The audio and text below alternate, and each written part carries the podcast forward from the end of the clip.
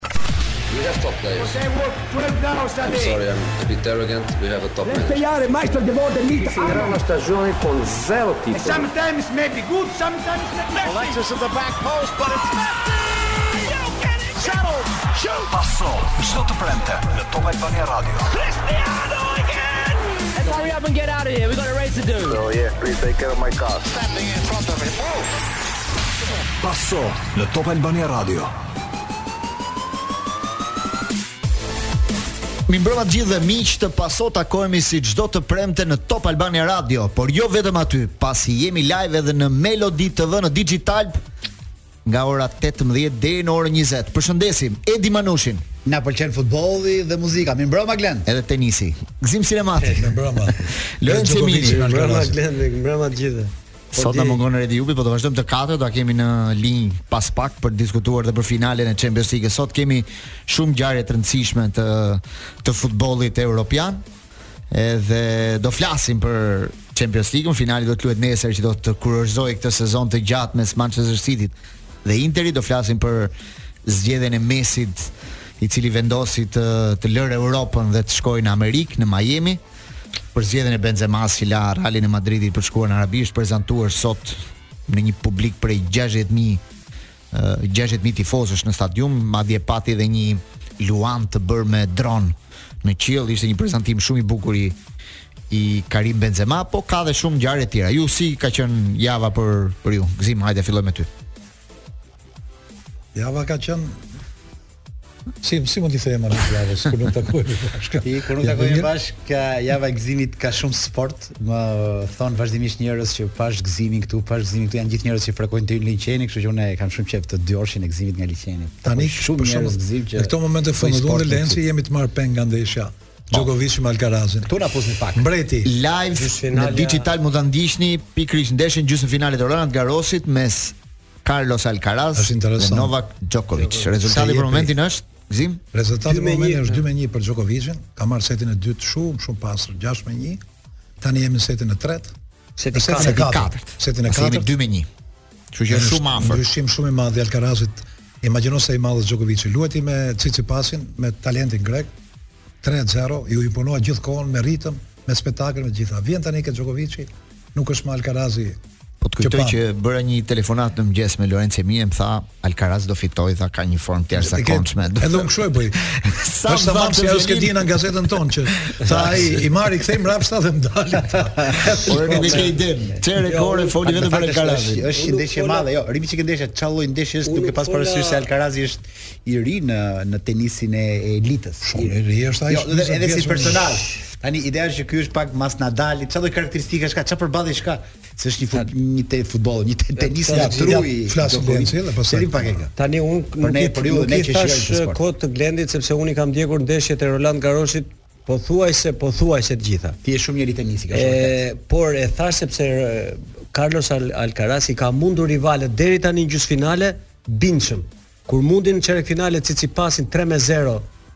Po s'po e lë të marrë frymë fare, ë, fare. Kundërshtarët e tjerë në raundin e katërt të tretë të dytë i ka mundur 3-0, 3-1 maksimumi dhe mendova që Djokovic-i dhe në intervistë para ka thënë që trupi nuk i përgjigjet më siç siç i qe përgjigjur dhe tregon po ta shikosh tregon shenja edhe gjatë lojës lodhje nuk nuk kthehet dot siç kthehet ky ky bën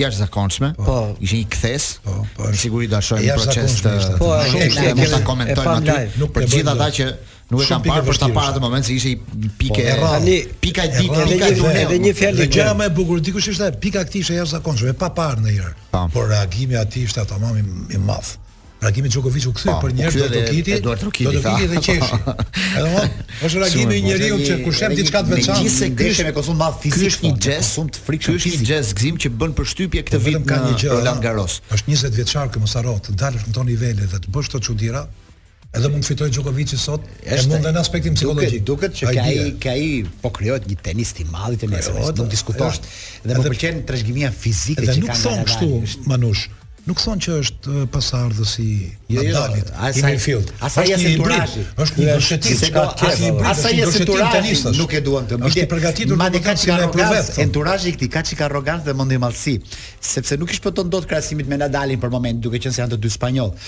Po insistojmë shumë te kjo dhe realisht ai në fakt është një tjetër gjë. Ai është një përzierje. Një tjetër lloj tenisi. Po vetëm ka një gjë, që të shkosh ke krahasimi me Nadalin, uh, uh, uh, sa rrugë ka. Ai është i madh, ka marrë trofe të shumtë, kështu që ky është vetëm fillimi, po shpresat janë për 20 vjet. Drejtor, nëse më lejon edhe unë kam zbulimin e javës. Pak më vonë. Pak më vonë. Vazhdojmë. Oh, kemi kohë, për zbulim detaje. Okej, okej. Uh, pra, po ndjekim live ndeshjen mes Alcarazit dhe Djokovic-it po luhet në këto momente. Uh, U uh, që nga 2 me 0 në game uh, seti 4 dhe 40 15 për Djokovic. Po pra ka marrë të tij. Jemi jemi shumë afër që Djokovic të shpallet po. finalisti i parë. Finalisti po. për kronikë, pra, për ta ditur të gjithë. Po 3 me 0. Po. Gjysmëfinalja tjetër do të luhet menjëherë pas kësaj ndeshjeje do të jetë ajo mes Kasper Ruud, norvegjezi dhe Zverev. Zverev, po. Aleksandr Zverev. Aleksandr Zverev që përfaqëson Gjermaninë, po. është rus, nuk është është. Po, jo norvegjin është. Përfaqëson Gjermaninë. Ndërsa nesër do të luhet finalja e femrave, në orën 15. Iga Swiatek numri 1 i po. botës me Mukovën. Swiatek me Mukovën. Megjithatë këtë vit Gëzim kanë thënë që nuk është një turne i edukuar Roland Garrosi. Kanë parë shumë gjeste të tenistëve gjatë ndeshjeve që kanë lënë një përshtypje të keqe te tifozët dhe edhe mediat. Për shembull, ishte një ndeshje që nuk i dha dorën Uh, ajo Svitolina me po, Sabalenka. Ajo e priti ke rrjeta e bjellorusja dorë, më një gjë që quajtën gjest shumë hipokrizia. Po, edhe disa momente të tjera kanë ndodhur gjatë sezonit këtë vit. Pse Ndoshta nga vapa. E ti si thoshte pasaj, jet, e politizonte direkt në kohën që bombardohet një digë tha në Ukrainë tha, ajo tha vjen ke rrjeta dhe harron çfarë ndodh në botë tha, çfarë dore do të jap atë. Nëse sporti është jashtë. Ata e kanë politizuar sportin, jo, ajo ajo konkuron, ajo konkuron pa Bjellorusi. Sabalenka, po, nuk e ka, është. S'ka tenisi kështu e ka.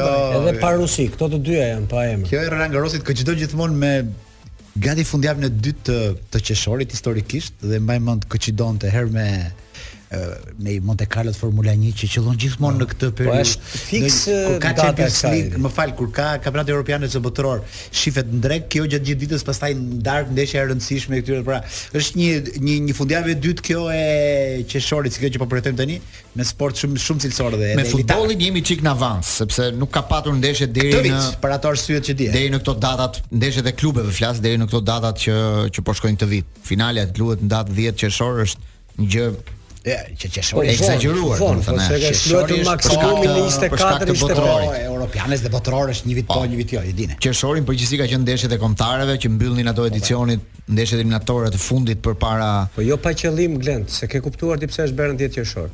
Pse? Mbasi dëgjuan ata që do ketë proces edhe qershor korrik, apo ja. Ti bie gjërave shkurt pa e. Edhe thanë ta bëjmë, mos ta bëjmë 24 maj. Megjithatë ju si e shikoni këtë situatën e finales? Në Stamboll. do jetë edhe Erdogani i pranishëm nesër. Dhe ka konfirmuar që do jetë në stadium. Erdogani kishte kërkuar 10000 bileta, se ka fituar tani zgjedhjet dhe kishte kërkuar për gjithë kryetarët e bashkive. Dhe u habit kur bileta si gjithë do të Erdogani, do të hapin ç'është kjo gjë në Turqi që s'paska autoritet, sepse sot do fokusohemi gjatë te te kjo finale e Champions League-s. Ai sa ka shkuar bileta Për në finale të Champions League tani duhet të përdoresh shprehja, hip këtu dhe shif Stambollin. Rikthehemi në pas, o rezultati i Alcaraz Djokovic Lorenc Emini 4 me 0 seti 4 dhe pra po shkojmë drejt fitores së Djokovicit po, për pak. Po, po, dhe është game 15-15. Drejt dominimit dhe drejt kalimit në finale, okay. Do vazhdojmë, do jemi live. Ed Manushi, fjala për ty. Unë Glend kam zbuluar diçka interesante këtë javë që është optika gjermane, një risi për të gjithë ata që duan cilësi dhe garanci. Aty unë gjeta xhama optikë, prodhim gjerman të certifikuar nga markat më elitare gjermane. Aty është ka aty ka gjithashtu një staf të specializuar mjekësh që të asistojnë për vizitat. Pashë që kishte edhe mosha Fëmijësh shumë interesante. Cilësia dhe garancia është motivi i tyre. Provojeni dhe ju dhe do ndjeni ndryshimin. Optika gjermane mund ta gjeni te komuna e Parisit përballë Crystal Center, si dhe në Instagram në faqen German Optik. Unë i dhash zgjidhje njëherë e mirë historisë së librave në plazh me Gjerman, më fal me optikën gjermane. Kemi në linjë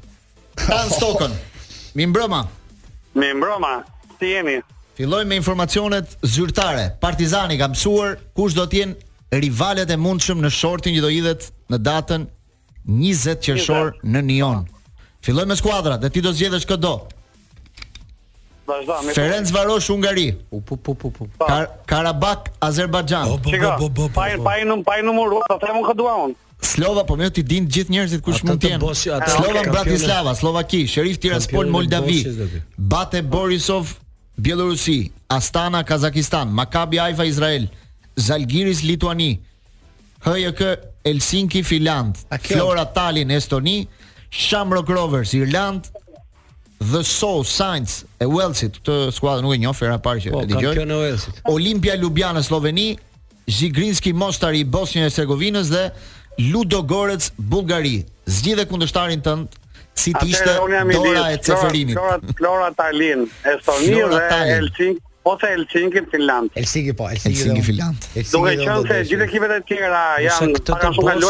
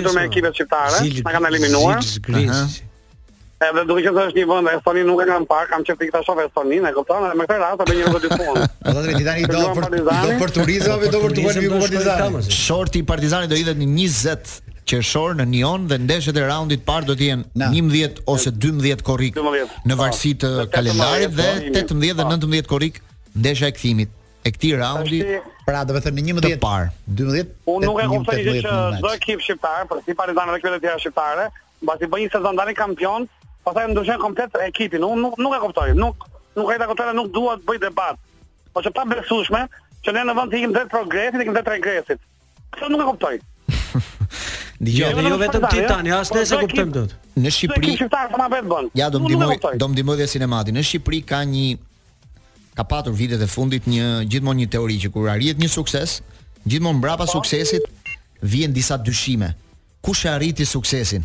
E arriti drejtuesit, stafi drejtues, presidenti, drejtorët apo e arriti trajneri me ekipin? Ti shkurt on. Domethënë kshu ka qenë gjithmonë diskutimi. Çfarë po ka tani në këtë rast? Takova një ish ndihmës të Partizanit, trajnerit të Partizanit. Mhm. Dhe më thoshte një gjë, po tha trajneri kolega tha bëri asnjë gjë tha se pse s'e mori presidenti. Ja, jo, shikon. Si mori presidenti?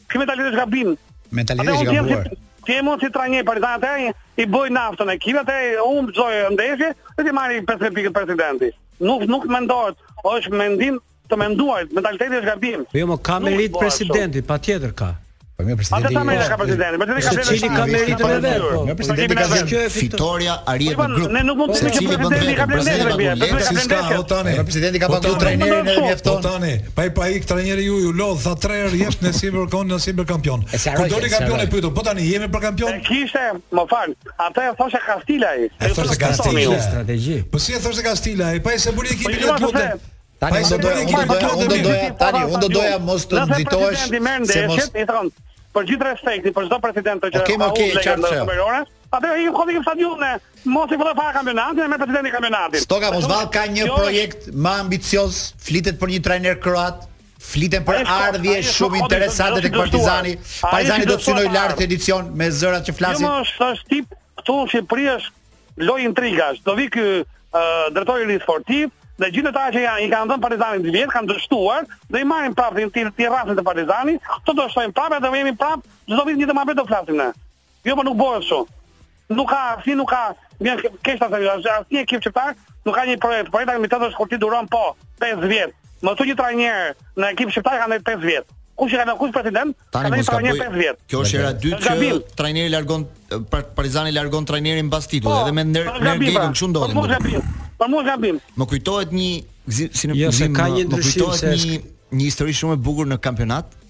kur ishte Kuksi në një far momenti që nuk fitonte dot dhe lojtarët i bënin thirrje presidentit. Hajde po, më afër. Hajde futu më. Po, po. Futu më. Futu më. Pa doni të doni të doni të mbështetje morale. Një sqarim të pra. vogël Glen tani. Një sqarim të vogël sepse e lexova intervistën e Skënder Gegës dhe thoshte që nuk jam nuk më kanë hequr jam larguar vet. Mbas titullit të kampionit. Kjo është e vërtetë, ai ka bërë debat. E di, ti ah. e di, ai bëri një debat. Për punën e tij është një debati. Që mbaja këto. Se di un.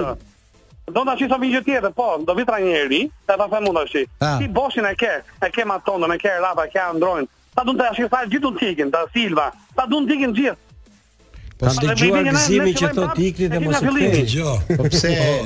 O tani, i ke pa ekipet e volejbollit që krijohen për të marrë trofeun dhe pastaj ikin venë, dalin kampion me ekip tjetër.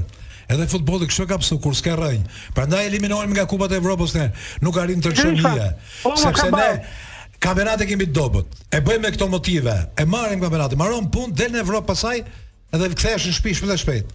Po unë them që O tan po sikur trim dëgjoj të mos ta mos ta kapi, domethënë kjo është kjo është një plagë e keqe e futbollit shqiptar. Nuk e di kur do jetë viti 0 për të pas atë 5 vjeçarin e boshtit këto gjëra. Por dëgjoj. Hajt të shpresojmë tek trajneri dhe ky modeli kam dëgjuar për kroat, por nuk e di tani se edhe ky drejtori i ri teknik që afrohet ke Partizani do ishte mirë që ta merrte besimin dhe bekimin tuaj tifozëve dhe ne gazetarëve, mos ta presim me këmbët e para.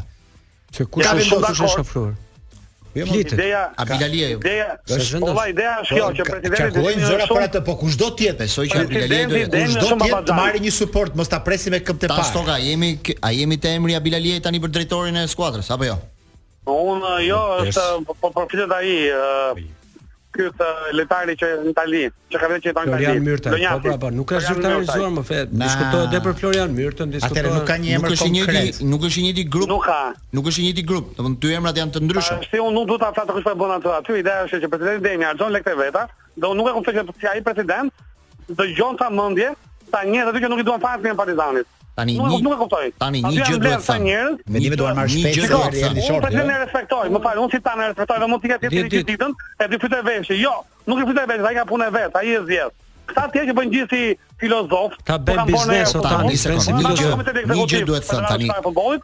Të Pra, gjithë vetëm- të gjitha këto lëvizje presidenti Demi nuk është se i bën për të harxhuar lekët e veta për të bërë gabime me veten e vet, ëh? Këtë duhet ta Po bën gabime. ta themi. Jo, po bën gabime atëherë. Po mirë, këtë do ta shohim, do ta tregoj koha a bën gabime apo jo. Po ma iku Gega. Puna është se si klub Partizani duhet bënte një lloj sqarimi që pse pse u prish marrëveshja me drejtorin aktual mbas një viti që theu gjithë rekordet e futbollit shqiptar, sepse me këtë drejtor u shit thonë që ja pra fitova një lojtar me çmim rekord. Pra. U fitua kampionati në fund viti, pra u arritën të gjithë objektivat. Kaq do një skuadër shqiptare. Fitoi kampionatin të shesë një ekip. Këshilltarët e mi më, më kanë sjell një konspiracion që do doja ta ndaja me ju, që është shumë interesant. Da. Që ka ka lidhje me shitjen e famshme të Skukës. Po. Në një intervistë ndër rreshta, nga ato që ne nuk i shohim të gjithë, po ata janë shumë të vëmendshëm, presidenti Demi ka deklaruar një gjë shumë interesante. E shita Skukën, po jo 500.000 euro. Sa flitej, e shita 1.2 milion euro.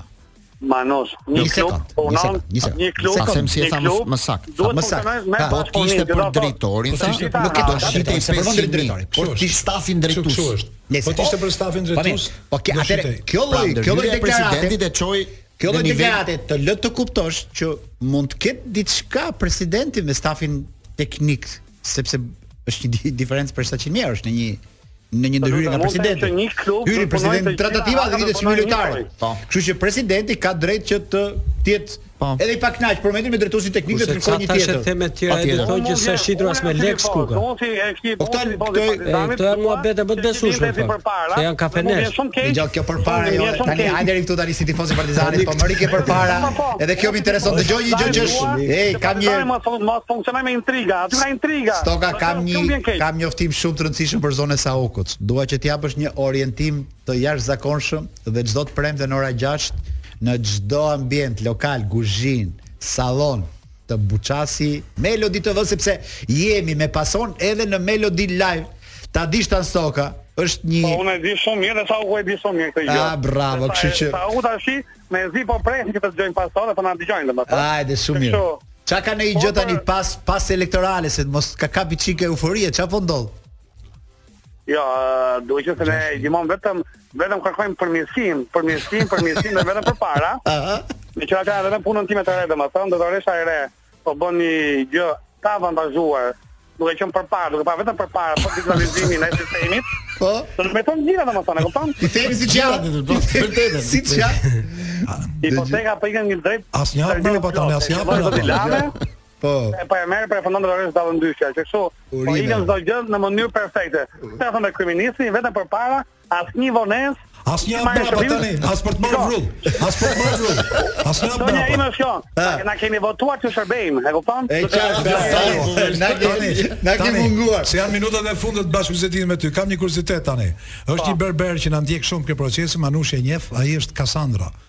i parashikon gjithë gjërat. I tha, i thash, sa mundësi ka ta fitojë Interi thash. Ti një ndeshje pazakontë thash, të bëjë Interi çudinë thash, bllokoj krahët e Cityt, ta heqi nga loja Haalandin, të nxjeri ta nxjeri të pavlefshme filozofinë e Guardiolës duke duke pyetur, duke provokuar.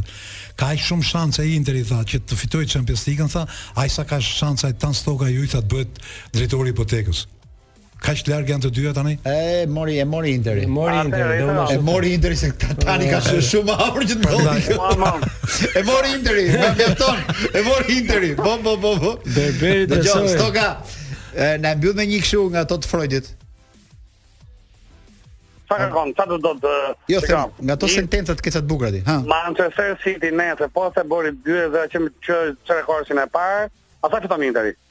Kështu thash dhe unë që do fitoj Alkarazi 3 me 0, po humbi 3 me 1 sapo humbi tani. Diferenca e jote është Dokovici. Po se më thua Alkarazi me Dokovicin, e kupton me gjithë respektin për Alkarazin, por Alkarazi nuk ka, është akoma i ri. Si e kanë gjë? Alkarazi. Stoka të përqafojmë dhe ki parasysh. Unë ju uroj fundjavë të mbar, fundjavë të mbar gjithë shqiptarëve, Saukut përqafime, ne e kemi. Sa u e dy. Të presim në proces, do të njoftojmë. Ndoshta jo këtë të hënë të hënën tjetër që flasim një çik për merkaton e fort të Partizanit. Përqafime. Jo. Ë, pra fitoi Alcaraz, fitoi Djokovic me Alcarazin 3 me 1 dhe me Massimo Ranierin rikthehemi në paso. Shumë romantik drejtori këto kohë, këto periudha. Kjo kënga e di nga më kujtua Gzim, po shifja një video të Maradonës në Instagram dhe ishte një nga këngët e vetme që ai e dinte nga fillimi deri në fund, ta këndonte vet. Maradona? Po. Ka një video në Instagram që ai e këndonte këtë këngë të famshme. Kryevepër fare. Është shumë e bukur. Pastaj ka arsye shumë të madhe po. për ta për ta mësuar edhe unë këtë këngë. Kjo është këngë e po. madhe. Sepse kam pas një mik, një shokun që mm -hmm. ai nuk jeton tani ka një vit. Edhe më mësonte këngë, po unë gjithmonë nuk nuk arrija ta mësoja deri në fund, edhe tha more vëri mend një këngë s'e mësove dot. po ka njerëz dhën pas këngëve që i din tekstet. S'është rasti i yni Gëzim dhe kjo është e vërtetë. Dhimbje dhe krenari thotë Asi për humbjen e Carlos Alcaraz në gjysmëfinale me Novak Djokovic. Dhe tani për të analizuar këtë ndeshje kemi specialistin e tenisit në grupin tonë të Procesit Sportiv dhe Paso, Arba Kalli. Mirë dita, mirëmbrëma çuna, si jeni? Mirëmbrëma, Aro, mirëmbrëma, suksese, suksese Gjokos. Ç'është kjo kënaqësi që s'e shpreh dot për... Si thonë sot para ndeshjes sa ri, luan mbreti i vjetër me mbretin e ri, po mbreti i vjetër e bëri mbretin e ri, që ndisi shpejt e shpejt, e? E bëri çorap, edhe në fakt është e vërtetë, Unë nga fillimi i ndeshjes e e parandjeva i çik kët, se tenisi si çdo sport në fakt ndoshta është shumë lojë mentale, psikologjike, ë është dhe momentale në fakt si ndihesh edhe u dukte të paktën në këndvështrimin tim u dukte që Djokovic ishte shumë i shumë i koordinuar, shumë i fokusuar, i qetë mbi të gjitha sepse fillimin e turneut e nisi me super nervozizëm, me me sjellje fare të pahijshme. Ndërsa Alcaraz ishte i çik si më i relaksuar se ç'duhet për mendimin tim dhe nuk ishte ai. Ajo e mori n'qafë Ari. Përveçse asaj, unë më shumë do të them që e mori n'qafë stili i tij i lojës jashtëzakonisht agresiv.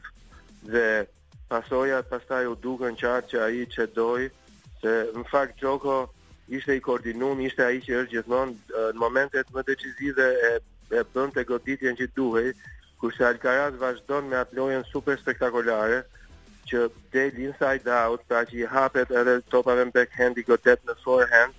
Dhe unë mendoj që ky ishte çelësi taktik që kishte bë gabim ai që e humbi neshjen, sepse me Djokovic nuk mund t'i dalësh backhandit në çdo moment në forehand sepse i bie i jep më shumë kohë atij për t'u pozicionuar dhe e vetmja mënyrë që t'i heqësh kohë Djokovicit, atë e dinë të gjithë është mbrojtësi më i mirë i të gjitha kohërave, është duke qenë qëndruar në mend në qendër dhe duke lujt backhand in backhand, forehand in forehand pa shumë spektakël.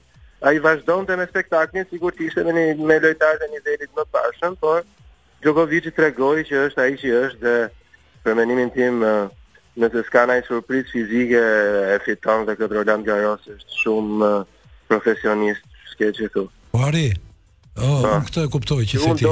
E ti që kuptova nga fjalët e tuja, është një gjë që unë Pak a shumë nuk e njoh si ty në thellësi, po me aq sa mundem, ë që Djokovic ka shumë mënyra loje, kurse ai ka vetëm një mënyrë loje. Përshtatet me lojtarët. Po. Edhe i përshtatet shumë me kundërshtarët dhe është domethën ka shumë plane. Ke shumë të drejtë sinemat.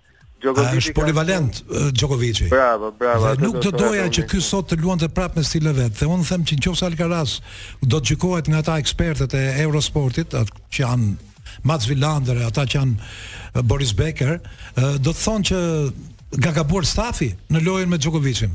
Se Alcaraz është vetëm 20 vjeç dhe kush nuk do donte që të vazhdonte spektakli i Alcarazit. Po ama kur ke përpara Djokovicin, do do do të jesh një çik më pragmatist. Kushtojë shumë ajo. Do të dalin dorën alternativë. Çështje froni, unë mendoj që çështje froni më, ka akoma vite Djokovic në jo, këtë jo, jo. në këtë histori. Jo, ka mundur dy, jo, jo, ta thotë më mirë. Është gabuar taktikisht. Nuk është çështje froni, është gabuar.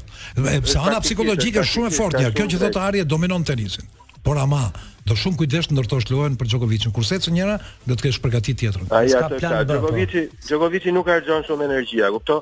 Si më thënë, nuk i harxhon vet, nëse lëvizin kundërshtarët. Kurse Alcaraz i jepi top në backhand që ai e ka super backhandin, ai del 3-4 hapa majtas t'i bjerë forehand. Po nuk është shumë kosto kjo e konsumon shumë, e ka shumë të frikshëm fizik. Sigurisht, pra, edhe fizik. pastaj u thy në mes u prit. Edhe pikët më të bukura të Alcarazit i kanë kushtuar shumë lodhje sot. Pa se ishin ca gjëra domethënë të papara ndonjëherë. Edhe ishte çik absurde si më thënë se në fillim të lojës ai ka bërë ca backhand fantastik për mendimin tim edhe më të rrezikshëm se forehandet. dhe pastaj i dilte në forehand. Ky është froni pa, po ky është froni. Po, froni ky është kur froni është kurse është energji më zotri.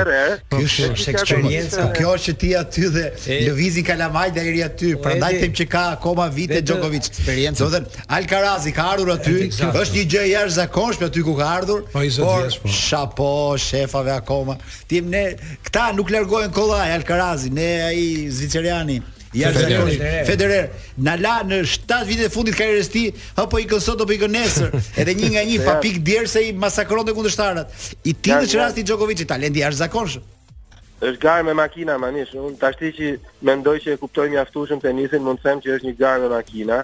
Pra, ti nisesh edhe duhet të kesh të kesh mendu se si do e çosh deri në fund garën, a kupton? Qartë, qartë. Ti mund të ecësh shpejt, po po. Mund të ecësh shpejt në rrugë me Djokovicin se është është lojtar që të bën të konsumosh. Pra, edhe për mua taktikisht un po prisja ky kur mbaroi seti i parë, shkoi ke Ferrer edhe i çik më para se Djokovic kishte medical time out dhe po e shifte t'i thotë diçka Ai se ç'i tha diçka, po unë thash ishalla i ka thënë boll me backhandin që i del forehand. Po. Ai vazhdoi, thash s'ka mundësi, nuk do shkoj gjatë me këtë. Dhe e mori ai setin e dytë e mori, si më thënë, një çik fat, tenisi këtë ka ulje ngritje, pastaj e lëshoi, nuk e mbante dot, ishte gabim.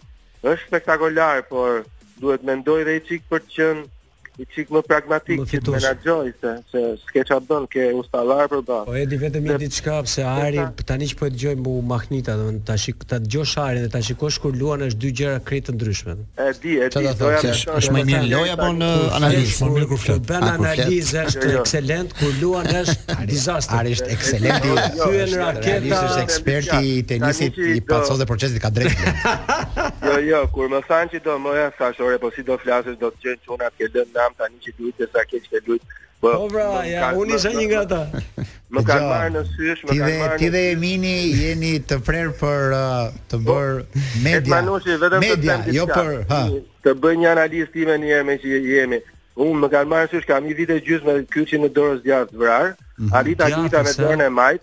Po. Kam luajt në turne me dorën e majtë dhe unë jam unë jam me tregu që luhet dhe me të majtën. Po po po, dhe ishte dhe ishte edhe koha e votimeve, me të majtën votove në atë kohë duket, ëh? Se ishte edhe koha e votimeve.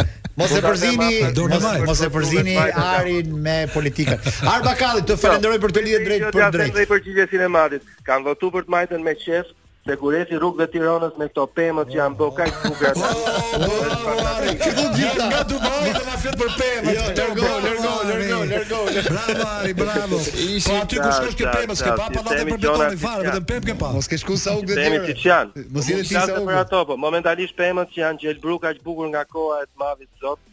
Është mrekulli i Tiranës. E korrigjove çik. E korrigjove çik. Ju jeni për qafime, për qafime. Po, të shkuara Arit pra për këtë analizë. Të shkuara dorës. Të shkuara dorës Arit. Për gjysmëfinalen e turneut të Roland Garros ku Djokovic mundi Alcarazin. Do të shkojmë në publicitet dhe pastaj do rikthehemi me 3 minuta histori dhe do flasim për revoltën e Kuçovës. 35 vjetori i revoltës së famshme të tifozëve të qytetit Stalin. Rikthehemi në paso në këtë pjesë të parë dhe siç u premtova në rubrikën tonë 3 minuta histori do flasim për revoltën e Kuçovës. Datën 5 qershor kjo ngjarje e madhe e futbollit në atë kohë, por jo vetëm e futbollit, mbushi 35 vjet. Ka qenë 5 qershor i vitit 88, skuadra e Naftëtarit, skuadra e qytetit Stalin, që tani quhet ndryshe Kuçovë, luante një finale play-offi me Dinamon. Kush do ishte në kategorinë e parë, në kategorinë kryesore, pra të kampionatit shqiptar. Kategorinë e parë, kampionati shqiptar. Ishte me dy ndeshje. Ndeshja e parë luhet në 2 qershor në Tiranë, dhe del 1-0 për Dinamon, bën gol Demollari. Ndeshja e dytë 3 ditë më mbrapa, 5 qershor, në qytetin Stalin. Por çfarë ndodh atje? Gjatë ditës pse Dinamo ishte skuadra e Ministrisë së Brendshme, atje vijnë forca të shumta policie. Rrethohet qyteti, domethënë fillon të ndërtohet një klimë ku të gjithë të gjithë tifozët menduan që tani po vjen gjithë shteti në në Kuçovë do thotë që në ndihmë të Dinamos. Do thotë që Dinamo do përkrahet. Plus edhe ndeshjen e parë kishin ndodhur disa episode të vogla me arbitrin, po arbitrin e kishin ndërruar, ishte një arbitër nga Korça, Dhori, Dhori Prifti, Dhori Prifti, Dhori Prifti, arbitri i ndeshjes së parë. Në ndeshjen e dytë, Dhori Prifti, arbitër, jo, jo nga Korça, po nga më të mirët. Po, super arbitër, ti ti themi po, që është arbitri i ndeshjes së dytë, arbitri i ndeshjes së dytë është Besnik Kaimi, i cili kishte një histori në Kuçovë, sepse ai kishte bërë ushtrinë atje, kështu që e njihte mirë terrenin, zonën, po, qytetarët atje, domethënë të tjerë. Edhe Besnik Kaimi, po, një nga arbitrat më të mirë të, po, brezit. Dhe ai dërgohet atje. Atmosfera kuptohet situata e ndezur. Edhe Dhori Prifti ndërkombëtar, edhe Besnik Kaimi ndërkombëtar. Edhe Tani çfarë ndodh në minutat mbas gjithë ndeshjes, ndeshja e acaruar, tifozët shpesh herë irritoheshin, shanin, bërtisnin kundër për çdo vendim, për çdo gjë. Minuta 82 Dinamo bën gol me Vilën, Ben Vilën. Po, Ben Vilën. Bën një po. gol me goditje nga distanca. Siç thuhet se nuk është se ka pamje nga ndeshja, një goditje nga gati 30 metra, shënon gol aty. Tifozët irritohen pak në në këtë moment dhe arbitri shikon që ndeshja po bëhet shumë delikate dhe vendos që ta mbyll ndeshjen pa ardhur fundi, pa ardhur minuta 90. Flitet që diçka duhet të ketë qenë minuta 88-87. Jep në fundi. momentin që ai jep fundin sepse pa që situata po agravohej, kishte sende që hidheshin në fushë, goditeshin, tension kishte, kishte tension mes mes policisë dhe çfarë ndodha? Ai e mbyll ndeshjen dhe shkojnë gjithë futen me vrap në dhomat e zhveshjes. Se ai nuk kishte stadiumi mirëfilli ishte thjesht një dy dhoma të vogla ku futeshin arbitrat dhe këto. Në momentin që Dinamo dhe skuadra Naftëtari futen brenda, aty plas gjithë protesta. Një lloj revolte ka qenë. Tifozët futen në fushë. Duket sikur është ai Heiseli i famshëm i i Liverpoolit me Juventusin dhe fillojnë sherret me policinë. Fillojnë sherre shumë të mëdha. Ku goditet një polic, goditet një qytetar me me pjesën e mbrapa të të pistoletës, pati një problem në në sy, janë goditur dhe fëmijë thuhet. Dhe protesta ka vazhduar për rreth 6 orë, ku janë djegur makinat e që shoqëronin Dinamon, makinat e Ministrisë Brendshme, është djegur një makinë policie, janë goditur dhe policë. U kthye pra në një Dhe i protestë gjithë- me konotacion u- politik. U pak. kthye në një protestë të madhe. Dhe aty iku nga futbolli dhe gjithçka mori një pamje tjetër. Çfarë ndodh tani që për të qetësuar situatën sepse lojtarët e Dinamos dhe arbitrat ishin mbyllur në dhomë, ishin rrethuar me polici, po.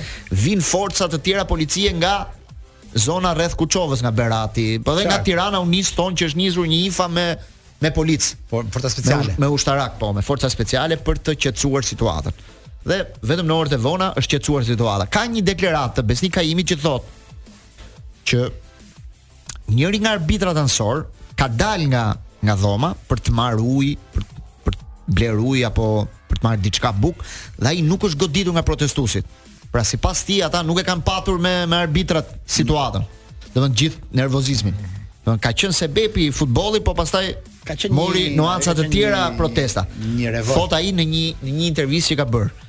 Pastaj situata u qetësua, u qetësua Dinamo mori autobusin me xhamat e thyer u kthye në shtëpi, arriti të qëndrojë në në kategorinë e parë në në atë vit dhe një ditë më mbrava filloi gjyqi Re, represioni. Filloi represioni. Një 100 vetë, mos më shumë të arrestuar, ku 10 prej tyre morën dhe masa më të më të mëdha me burg. Dhe thuhet që 3 ditë më mbrava, çfarë bëri regjimi në atë kohë?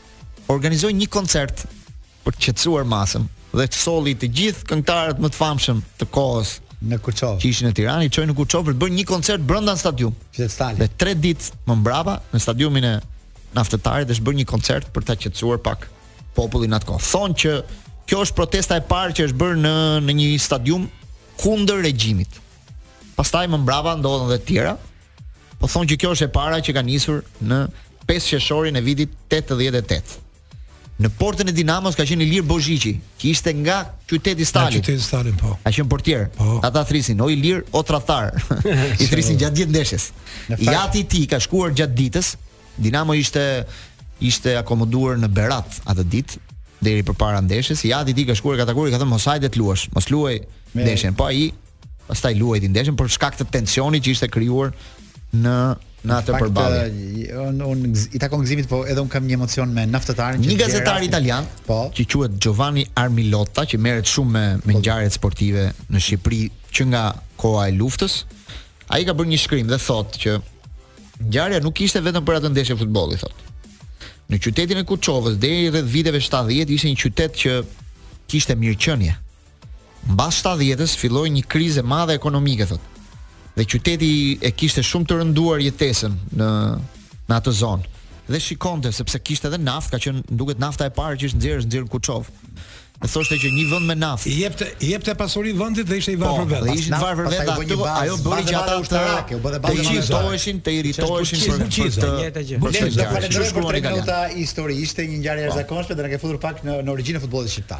Kishe diçka për të thënë për Jo, Naftëtari ka një emocion shumë se mm -hmm. Në fund fare të kësaj pjese të parë. Ka shumë emocione dhe ka luajtur futboll në disa momente në atë kohë me zotni llëk. Ka qenë qytet gati gati intelektual, ka pas inxhinier shumë qyteti Stalin dhe oficer të përzier. Dhe un kam qenë kam pa një ndeshje atje Vllaznia Naftëtari, mund të kem qenë nga 85 86-a, që fitoi 2-1 Vllaznia me dy gola të Luçit, dhe unë s'kam pa, domethënë stadiumi ka qenë ekselent, gati gati i duartrokisnin Vllaznin për mënyrën si luante. Kështu që ishte një një qytet me futboll shumë interesant për kohë, Naftëtari quhej. Okej. Okay. Mirë, ti, Gledi që je statisticien, e mban mend se cili ishte Johan Cruyffi? Ja. Johan Cruyffi i Kuçovës, e mban mend? Ja. Lat Skuro. Lat Skuro. Një Son Kall. Le të kalojmë këtë lajm. Ai inteligjent shumë. Se kam disa çështje që shikojmë me topin, ishte shumë shumë inteligjent. Rikthehemi në Paso në këtë pjesë të dytë bashkë me Gzim Sinematin, Lorenc Eminin, se siç u premtuam do flasim pak për finalen e Champions Ligës që do të luhet nesër, finalja e fundit europiane mbas dy finaleve që u zhvilluan, italianët morën dy shpullat e para me Sevillën dhe me West Hamin, tani është rradha e skuadrës së tretë Interit që nesër pra luan në stadiumin kryesor të Stambollit, stadiumin më të madh që ata kanë, stadiumi olimpik, finalen e Champions League-s. Dhe kompjuteri që bën parashikimet thot për nesër shanset për fitoren e Manchester City janë 75% me 25% me Interin, domethënë Interi ka vetëm një të katërtën. Po shikojmë prap Djokovicin me Alcarazin. Po besoj se jo, në po futboll nuk është e njëjta e njëjta histori me me tenisin. Sot ishte favorit. Ju si mendoni? Sot ishte Alcarazi favorit, kështu që nëse do të ikim me këtë logjikë. Jo, jo. Që është Manchester City, atëherë mund të shikojmë një Tani në futboll dihet që edhe kur je shumë favorit, ata flasin me politesë gjithkohon, thonë po. që është ndeshje e vështirë, kemi respekt shumë për Interin, do e vendosin detajet, episodet, por në fakt, me thënë drejtën, kemi një fuqi të madhe botërore futbolli, edhe një ekip që nuk pritej. Ata kanë befasuar dhe veten që janë finale. Megjithatë i lumtë që janë atje, Glenti tha italianët morën dy shpulla. Po të jemi më korrekt, ne të shohim që Italia nuk janë shuplaka për futbollin italian që humbi dy finale, po janë ka marrë ca shenja që po rigjallërohet futbolli italian. fituan Evropianin, Roma mori Conference Ligën. Tashi kapën dy finale, 20 vjeçarët, tre finale. 20 vjeçarët kanë dalë finale me Uruguain. 20 vjeçarët kanë finalen të dielën me Uruguain. Me Uruguain në botërorin e 20 vjeçarëve. Me thënë drejtën ka një lloj rigjallërimi i futbollit italian. Dhe unë nuk pres që të shpotojnë sepse ata thoshin shpresa e fundit është Interi. Unë mendoj që ndeshjen do ta fitojë Manchester City, sido që të jetë. Edhe pse thonë që Interi do një ndeshje anormale, të pazakontë në kuptimin pozitiv, që të bllokojë dy krahët që janë të jashtëzakonshëm Grealish dhe Bernardo Silva, që siç thoshte Saki, nuk e di një tjetër që thoshte si mbahet Haaland. Haaland më mirë është ta qëllosh ta. Me pushkë. Se me pushkë se sa të mendosh ta markosh. Nga deklaratat e, e juaja shoh që jeni dhe më shumë se 75%, po e çoni jo, 90%. Jo, jo, nuk jam se jam 75% e 80, nuk më pëlqejnë përqindjet me kompjuter. Në futboll po më duket më duket një fitore kështu. Po ju ju ju po e di si nganjëherë më duket sikur po flisni sikur përpara ata nuk do të kenë portën bosh. Jo, jo, ja, ore prit tani se përballë ka një skuadër që është Interi. Edhe Alcaraz me Djokovicin ka qenë 1.5 sot. Po lëre mo se nuk janë njësoj përballje. Nuk janë njësoj. Jo, nuk janë njësoj në sport. Të qëllon ditë e keqe, nuk i jo, dihet. Okej, okej, nuk ka. Tani që ata janë më të fortë, janë më të fortë, patjetër, ata janë më të fortë në botë. Dëgjo. Po në futboll nuk mund të thuash që gjithmonë më i forti fiton. Ajo që thua ti nuk qëndron, që qëllon në ditë keqe. E ke parë Cityn të qëllojë në ditë po, keqe? Po, ja aty ta them unë rastin. Po. Finalja e fundit që është bërë me Chelsea. Aty edhe aty favorit ishin. Bëri një lëvizje gabim Guardiola humbi ndeshjen.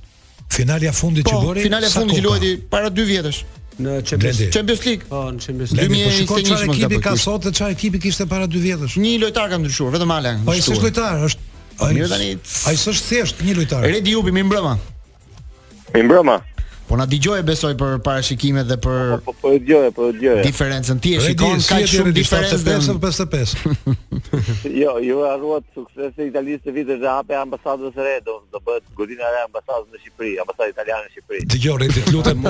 Bravo Redi, ti je një mesfushor i talentuar ngelesh. Ke qenë atëherë me Dinamon ngelesh dhe sot. Dëgjo tani të tregoj një gjë të bukur Redi. Meqenë e ke edhe më të hedhur ti. E ke parë filmin që i tha ai, ç'e ke këtë shkop tha, thonë që ke më të hedhur, ta kisha më të hedhur tha, do më do e kuptoj zot rrotë.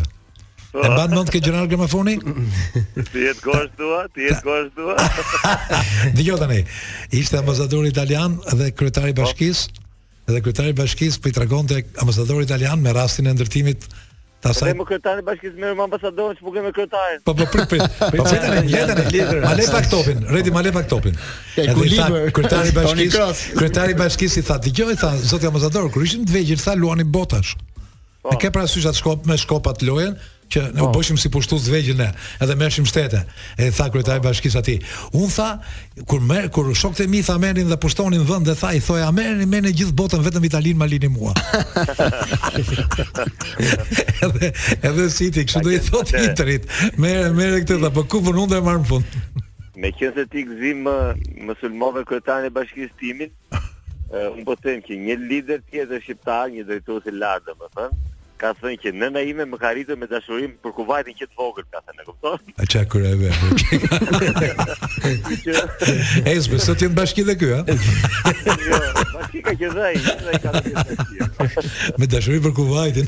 Po, që të vogël, tha më ka rritur me dashurinë për Kuvajtin. Qenka si ai që kur luante Ziko në Brazil, thot kthehet nga Korça, se ka origjinën që andej.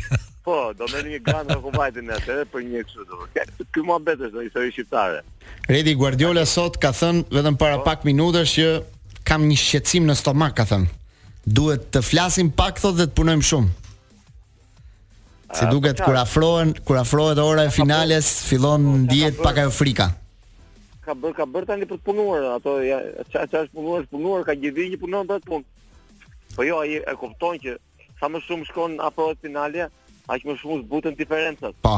Është është një ndeshje. Edhe kjo është e vërtetë. Diferencat nuk janë aq të mëdha sa që sa t'i perceptojmë neve. Patjetër që diferenca ka, sepse Man City është për momentin skuadra më e mirë në botë, por Interi ka bërë një ka bërë një dymujorsh shumë të mirë, shumë pozitiv, sidomos në aspektin e rritjes së personalitetit të lojtarëve. Ka dy muaj që nuk që nuk mundet, vetëm fiton. Përveç nuk mundet, domethënë ata tani... Janë në gjëndje të mirë. Inter, Inter, A jemi në Serie A mos haro, ha? Po, edhe në Champions, gjithë ndeshjet radhazi, dy muaj. Në fillim të vitit, Interi u bë skuadër për të fituar Champions dhe për të fituar Serie A. Pra me lojtarët që kishte, me, me, me, me 25 apo 26 lojtarë që kishte dispozicion, Kjo skuadër për atë, pra domethënë Lukaku në sulm, Dzeko rezervë e Lukakut, Lautaro një nga sulmuesit më të mirë në botë në dyshen, Korea zëvendësuesi i Lautaros, pastaj mesfusha Barella, Brozovic, Çalhanoglu e tjerë me radhë, pra është nivel shumë i lartë Interi në kur në moment momentin që u ndërtua. Nuk është se në në në shtator apo në gusht City ishte shumë më lart se Interi në në në skuadrën që u bë. Mm -hmm. Fitoi diferencë shumë të madhe gjatë vitit City, por e ka mbyllur pak diferencën Interi tani. Un prap mendoj që City është favorit, por një ndeshje teke me ngarkesën e madhe që ka, me detyrimin e Cityt për ta për ta për ta fituar me patjetër, e çon që e zvoglon një çikë këtë diferencë. Sepse nuk është puna se të është presion psikologjik, por është presion dhe mënyrë se si do të bësh lojën. Redi, ti the që u ndërtua Interi për Champions League. Kam përshtypjen që me ato emra që ne i dim dhe që i përmende dhe ti, ekipi nuk ishte për të qenë këtu ku është. Neve, të po të na thoje që atëre që në finale do jetë Interi, binin sirenat e ambulancës. Po. Sepse kishim Bayernin, kishim Paris Saint-Germainin, sepse kishim këto ekipet e tjera të forta, Real Madridin, kishim shumë llogari të tjera, kishim Barcelonën, kishim llogari të tjera. Tani ajo ndodhi si ndodhi dhe erdhi. Megjithatë unë do thoja që nuk jam 75, 65 siç thot Glendi që thot, po unë Nuk e nuk e quaj që që City do rrezikohet në finale nga Interi. Po ajo ajo që më bën çudi është që gjithë thon tani që shikoj se 5 minuta e para do bëjnë 2 me 0 direkt. Po jo më jo. Jo, s'është edhe mund t'i bëjmë, nuk po, është jo, çudi, jo, po nuk mund ta thuash me kaq po me kaq siguri. Ajo që thotë Redi. Para janë italianë, italianët janë të rrezikshëm, janë skuadra shumë të vështira për të mundur. Pastaj ka edhe një gjë Redi, do doja ta diskutoj edhe pak me ty, po ndoshta pas publicitetit. Dy skuadra që kanë mundur këtë vit Manchester Cityn janë Tottenham dhe Brentford, që e kanë mundur në kushte po normale, në kampionat normal. Brentford nuk quhet se mundin, jo e mundi. Të dyja, po, pra, të dyja luajnë me Brentford. Luajnë me një skem 3-5-2, po. e njëjta skem që bën dhe Interi. Dhe kjo është parë pak si rrezik E kam është parë si, si rrezik pak në për mënyrën për modulin që luajnë dhe stilin e lojës që kanë. Ti je më afër taktikës. Gjithë kjo lidhet kjo e Brentfordit Tottenhamit lidhet me bllokimin e dy krahëve të Bernardo Silvës dhe dhe të të Grilish. Grilish. Po. Jemi sërish në Paso, live në Top Albania Radio dhe në Melody TV në Digitalb. Dhe falenderojmë Iute Credit. Thyej limitet e tua me Iute Credit. Tashmë mund të marrësh kredi deri në 500.000 lekë.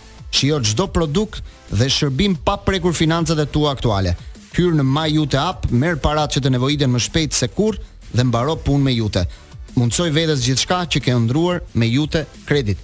Po flisnim për finalen bashkë me Redi Jupin që mund t'i japi përgjigje tani faktit se si vendosja e Interit taktike me tre mbrojtës qendre, pesë mesfushorë dhe dy sulmues mund ta vërë në vështirësi Manchester City. Po Redin. A e kemi? A, nuk e kemi. Okej. Në momentin që do ta kemi, më bëj një shenjë.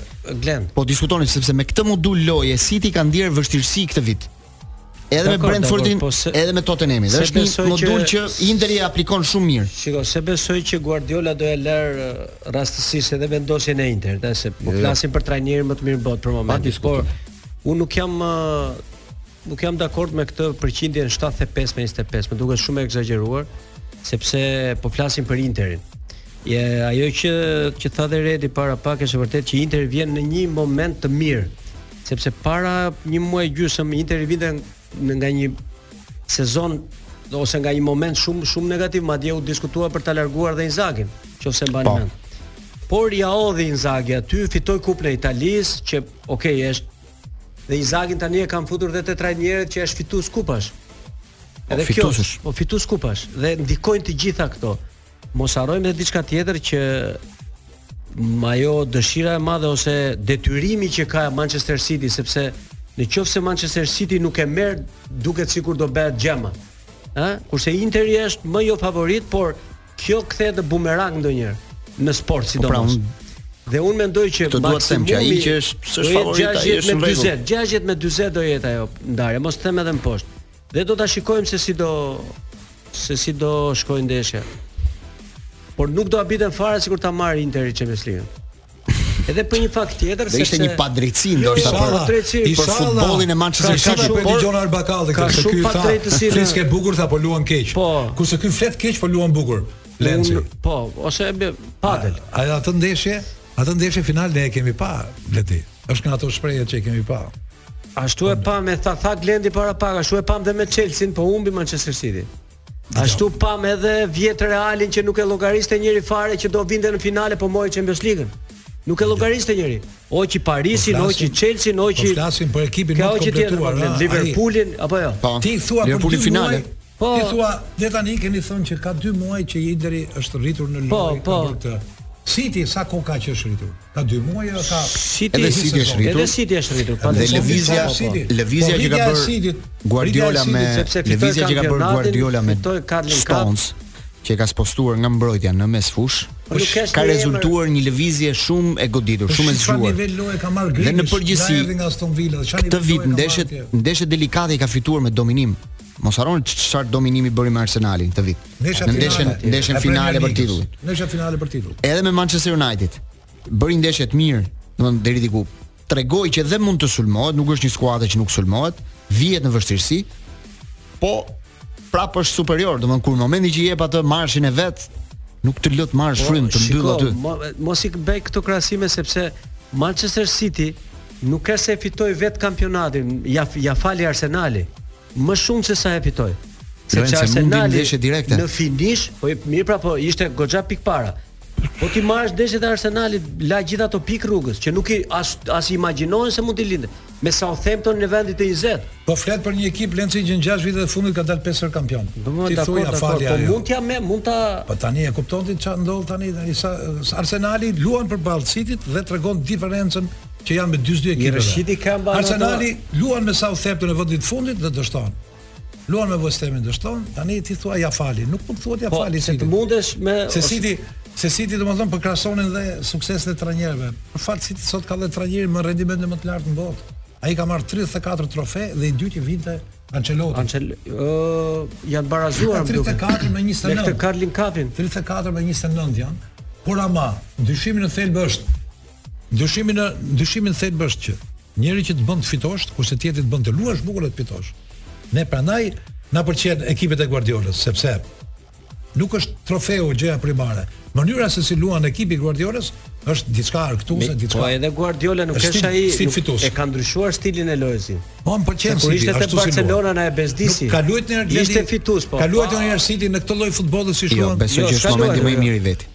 Bayerni ndryshoi filozofinë e lojës me Guardiola. Barcelona vajti aty ku vajti.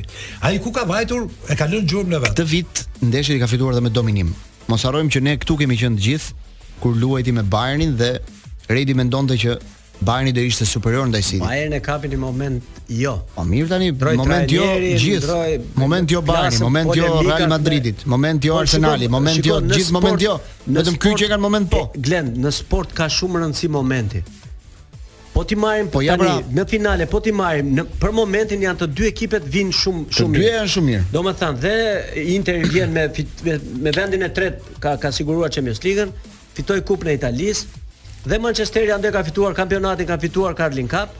Ai mund të dyja. Mund të bëj treshen, domethënë po, këtë bëj, këtë por, vit me Bayernin që aty do të ta shikonim se sa forcë kishte Manchesteri vërtet. Bayernin e kapi në momentin më të keq të sezonit.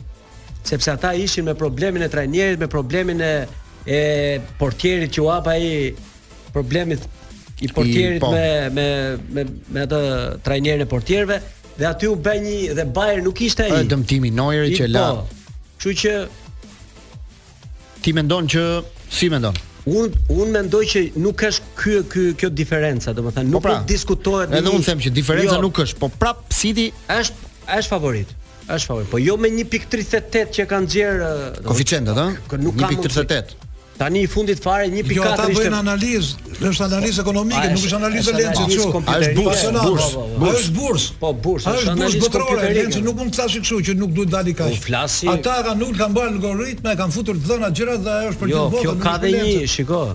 Gëzim, kjo ajo është 75% që me 25 koeficienti kështu. Ka logjikë brenda, nuk është se mhm. është ky koeficienti kështu ka dhe një, ka dhe një Po, një këndvështrim tjetër. Kjo, ajo mund që mund të kthehet një bumerang i paparë dhe ta shikosh pastaj se si do se si do ta hedhin poshtë atë. Mos ki merak në këtë rast nuk do të kthehet. Okej, okay, dakor. Ti po flet me shumë tifozllëk për. Unë mendoj nuk jam me tifozllëk. Po- tifoz tifoz i Manchesterit. Jo, nuk jam tifoz i Manchesterit, unë jam tifoz i Arsenalit. Ai ishte tifoz i jo, Arsenalit. Po të dal Arsenalit. Po të dal ligë gjithë ndeshja, pastaj do thua si do. Po ti thua që i thamë Peços, Peço, mhm. kujdes i thamë se këtë ndeshje e kemi parë një herë.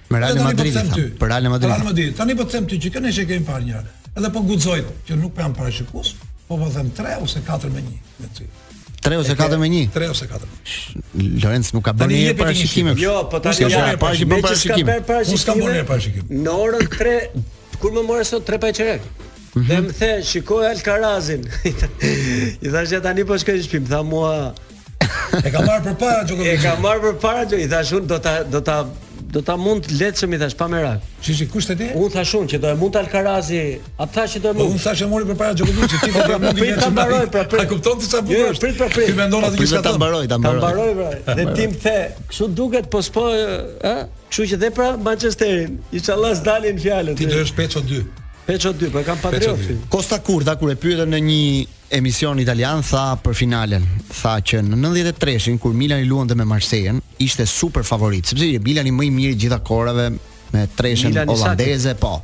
Me jo, ka qenë me Capello mos gaboj në atë vit, 93-shin. Me treshën holandeze, po. me Maldinin, Barezin, gjithë grupi grupi i fortë që kishin fituar edhe më përpara Champions League-n dhe mund ta fitonin edhe aty. Dhe tha bëmë 26 goditje në portë me 1. Marsia fitoi 1 me 0. Pra domethënë një skuadër në atë kohë ishte e panjohur. Ka raste. Pavarësisht se lojtarët, prandaj thirrën lojtarët që kishte Marsia ishin shumë të mirë për të zbritur me këmbët në tokë City, por kjo që thua ti ka ndodhur edhe në 80 83-shin.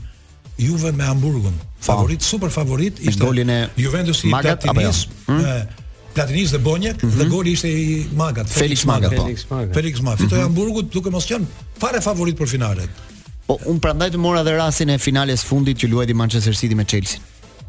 Manchester City ishte favorit për ta fituar Champions League dhe fitoi Chelsea 1-0 me golin e po, po. Havertz. Po pra aq më mirë që i ka ndodhur. Dhe një gol, ndodhi vetëm një gol. Aq më mirë që ka ndodhur kjo çështje. Por sot thotë, sot këtë thonin që Guardiola ka marrë leksione nga ndeshja, sepse aty bëri disa lëvizje për të bërë ato eksperimentet e veta që thotë nganjëherë Peço që bën ndonjë budallik ai, e kupton, nuk është se është i qetë fare, po këtë vit duket më më serioz, edhe ai ka një eksperiencë më shumë, skuadrën e ka më të fortë, më të fortën që ka patur ndonjëherë në dispozicion tek Manchester City dhe ka këtë italianët thonë gjithmonë, ata e kanë ë e kanë si detyrim për ta fituar kupën, ndërsa Interi e ka ëndërr.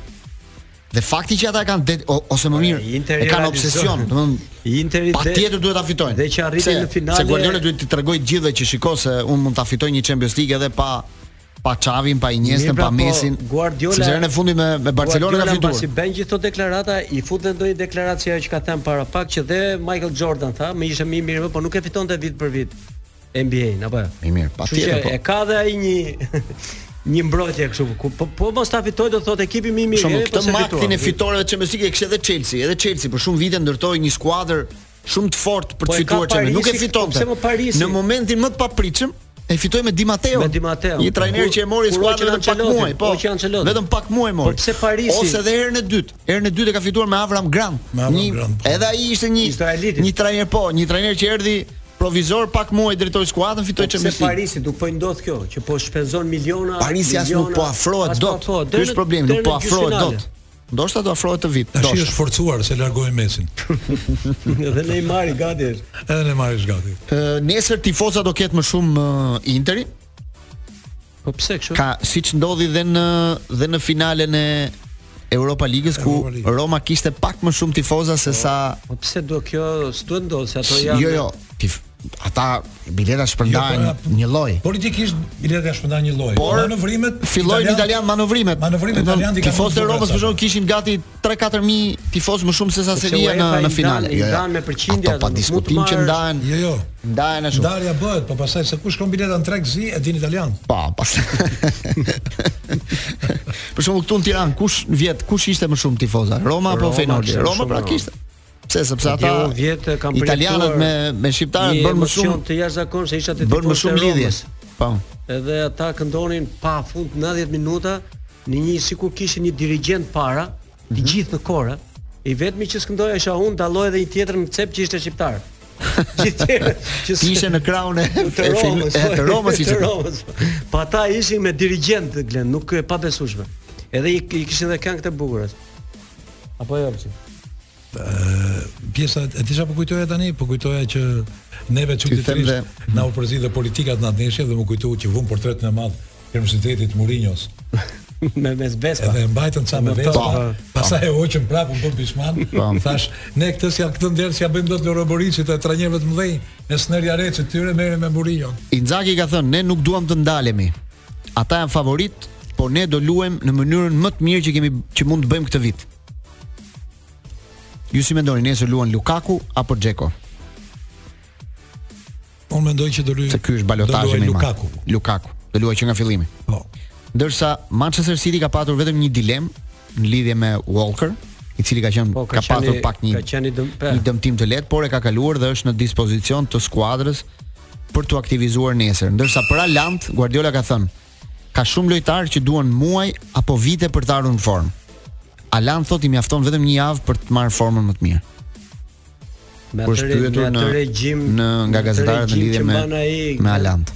Shkojmë publicitet edhe këtë regjimin e tij është në nivelet e Cristiano Ronaldos. Ne rikthehemi të flasim pak edhe për merkaton, sepse kjo lëvizje e Messit ka gjeneruar shumë lëvizje të tjera. Dashuria jonë Lindita Theodhori në rubrikën tonë Je i lashtë Tëmën ush rikthejmë këngët e vjetra shqiptare. Ha, Gëzim, kishe diçka për të? Unë i kam i kam në makinë. Është ai momenti që nuk flet fare. Jo, po mendoja domethënë.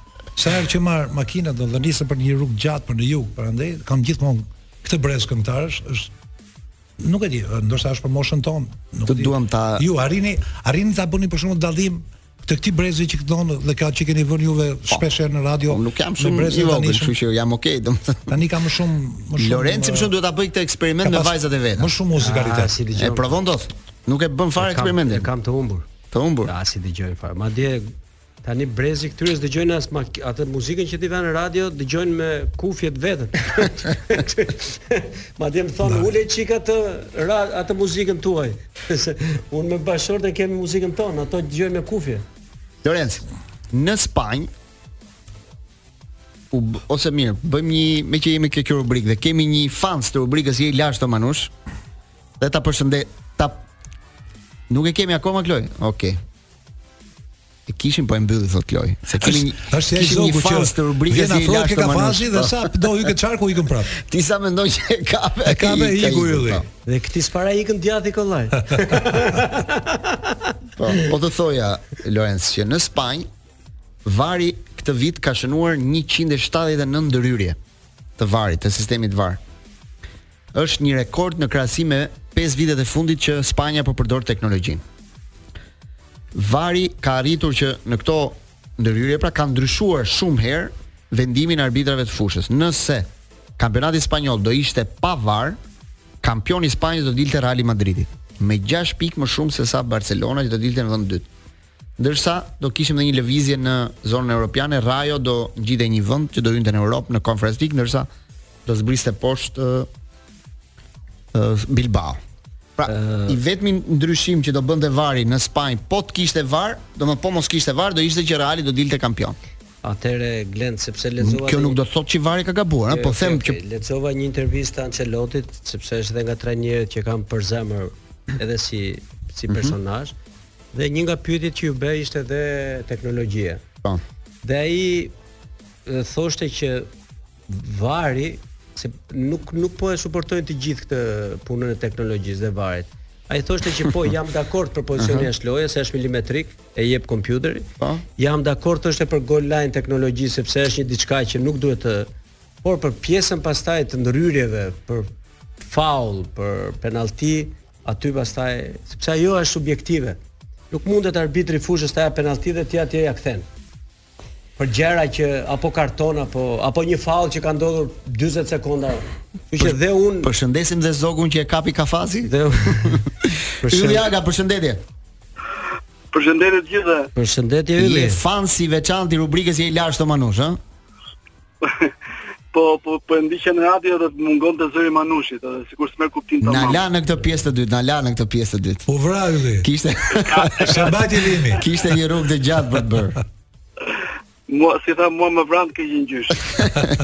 Ylli po flisnim pak për varin në Spanjë, ndoshta edhe në Angli, po edhe një mendim e donim nga ana jote për finalen e Champions Ligës.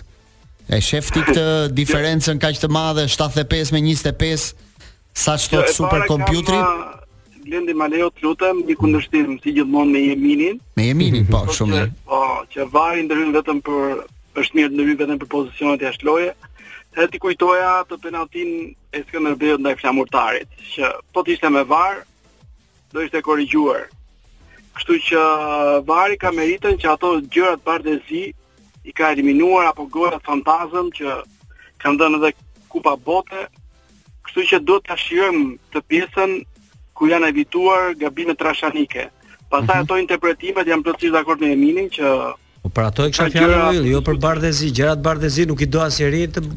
Për shembull po. Jo, po, jo, duke qenë se na ndjekin edhe të tjerë po, po, shumë. Ato po diskutoj unë. Ajo pjesa e pozicionit jashtë loje me e vënë, në peshore me me të tilla raste besoj që merr më shumë vlerë kjo tjetra. Në Angli për shembull nuk do ndryshonte asgjë Ylli, por edhe po mos të ishte vari do thotë që arbitrat e kanë bërë punën mirë. Është natyral vari në Angli. Nuk do ndryshonte asnjë renditje, asnjë gjë në renditje, jo. do ishte e njëjta renditje. Jo, Blendi se jemi një era blofit një ditë edhe kujtoj se hmm. do të bënte ndryshime. Do jepte një biletë europiane Brentfordit. Bret, do, një, do jetë vogla më jetë, pra, nuk po, përcaktohet që në kampionat. Dhe ylli më korrigjoi me vrap. Mm. Do hiqte nga kategoria Bournemouth-in. Ishin nja 7 pozicione që ndryshojnë në renditje dhe çdo pozicion në renditjen e Premier Ligës ka dhe një vlerë financiare që nuk është se është shumë e rëndësishme, po ka gjithsesi vlerën e saj. Çdo pozicion ka një 2.5 milion pound më shumë në tabelën e renditjes. Tani për Championsin e shef këtë diferencën kaq të madhe apo jo? Në fakt Blendi unë shoh 99 me 1. Ylli, këta e që ditën që i thashë, ndeshja është 3 me 1 i thashë.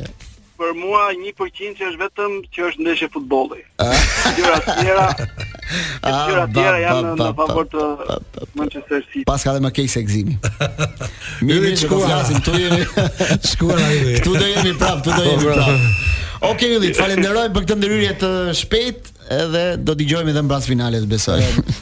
Jemi në Pason në pjesën e fundit, 9 qershor sot në Tiranë, ditë e vapshme, filloi vapa. Me sa duket tani në qershor, pritëm pak muajin maj, po erdhi vapa sot. Oraret e drekës ishin me të vërtet Pa ma 20 të, të 26 padurueshme. gradë ishte Blend. E, Prit se- padurueshme. prit se jemi. Mirë, herët jemi, po Blend.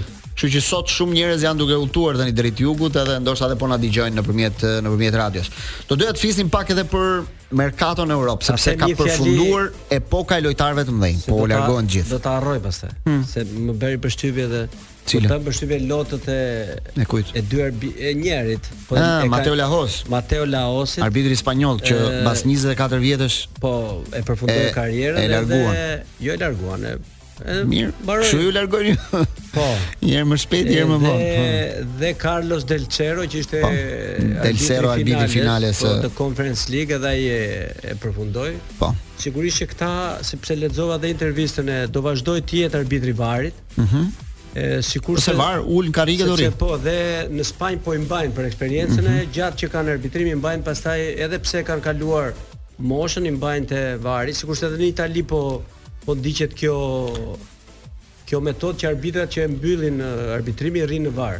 Kështu që por më më biti ajo edhe lojtarët që që përqafonin dhe ky që që normalisht. Fundit ai ishte në një krizë, duhet të ikte më shpejt. Nuk ka, edhe mua nuk ka se më shumë më bën përshtypje lotët. Merremi pak me se lotët e Lahozit po. janë shumë larg lajmit të madh që Messi zgjodhi Amerikën dhe jo paratë e Arabisë, jo se atje nuk do paguhet, jo, atje do paguhet mirë. Atje më shumë. por zgjodhi Amerikën përpara Arabisë Saudite, ku kishin një ofertë prej gati 2.5 miliardë dollarë, që ishin goxha para, domethënë për të marrë 3-4 vite. Ndërkohë që ka firmosur një kontratë me një skuadër të re, që është Inter Miami, skuadra e David Beckham, është vetëm 5 vjet skuadër dhe ka bërë një kontratë 3-vjeçare do jetojë në Miami në një kullë të jashtëzakonshme, ku do ketë 2 apo 3 katet e fundit dhe parkingun e, e makinës e ka në në katin aty ku e ka shpinën, në katin e 20, me thënë ose 50, sa mund të jetë kulla. Makinë fluturuese. Makina ngjitet me ashensor, ka një ashensor privat që ngjitet makina e po Messit deri deri atje. Kto s'na thonë gjë. Ai do fitojë 54 milionë euro të sigurta, por do ketë përqindje te të drejtat televizive gjithë kampionatit, te reklamat e shumta që do rikthehen, që do i afrohen kampionatit të futbollit në Amerikë, kështu që Parashikohet që ai të përfitojë diçka rreth nga njëqind e dhjetë deri në njëqind e dyzet milion dollarë në vit. Kështu që jo, pak a shumë afrohet, po jo ai sa ishte. Ai është lojtari më i madh në botë. Po. Po s'ka dyshim, ato që kemi parë në këto 10 vjet, domethënë mund të quhemi brez me fat. Ëh. Uh -huh. uh, unë do thoya për herë të parë që ai ka bërë një nga vendimet që ka marrë ose që ka qarë ose me lot në gjëra, për herë të parë që më pëlqeu. Pse? Që ia drodhi Barcelonës, dhe shkoi andej. Do ishte hipokrizi shumë e madhe. Ai tha që te Barcelona do do bënin sakrifica të mëdha, do ishte rroga këtu, rroga atje, do prisin po. Shumë gjëra, shumë histori do ndodhin, po. Beles Messi do quhej do shikohej nga i pjesa e grupit. Edhe ndoshta i ka rënë pak dëshira e futbollit, sepse dhe në Paris kishte probleme për Po orarin e stërvitjes, për shembull, Parisi bënte stërvitje mëngjes, ai thoshte dua mbas dite. Po, mos harro një gjë, kishte shumë çfarë presioni kish ke Barcelona dhe çfarë do Inter Miami ku do i. Ai ka shkuar atje për të qëndruar me familjen, para do t'i marri, do luaj. Ishte një analizë, i lehtë dhe thoshte që lajmi i parë që Messi po shkon atje është impakti që ka ndodhur në Amerikë për mhm. futbollin. Dhe ky krahasohej si impakti i dytë më i madh mbas Amerika kur mori 94-ën botërorin dhe lajmi i dytë i futbollit është kur Messi vjen firmos në Amerikë. Impakti që ka. Lajm shumë i madh. Marketingu që do bëhet, brezat që kanë mbrapa, idhulli Messi dhe Një fjali. E mbyllim.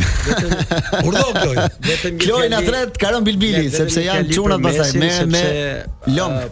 Përtej përtej miliardave të, të Arabisë, Unë mendoj që Messi ka bërë zgjedhjen e duhur sepse Messi po shikon më karrierën mbas futbollit. Ai do blejë një skuadër futbolli atje, kështu që do bëhet si David Beckham. Jepi karton të kuq, Klo, jepi karton të kuq. Ju falenderoj të dyve.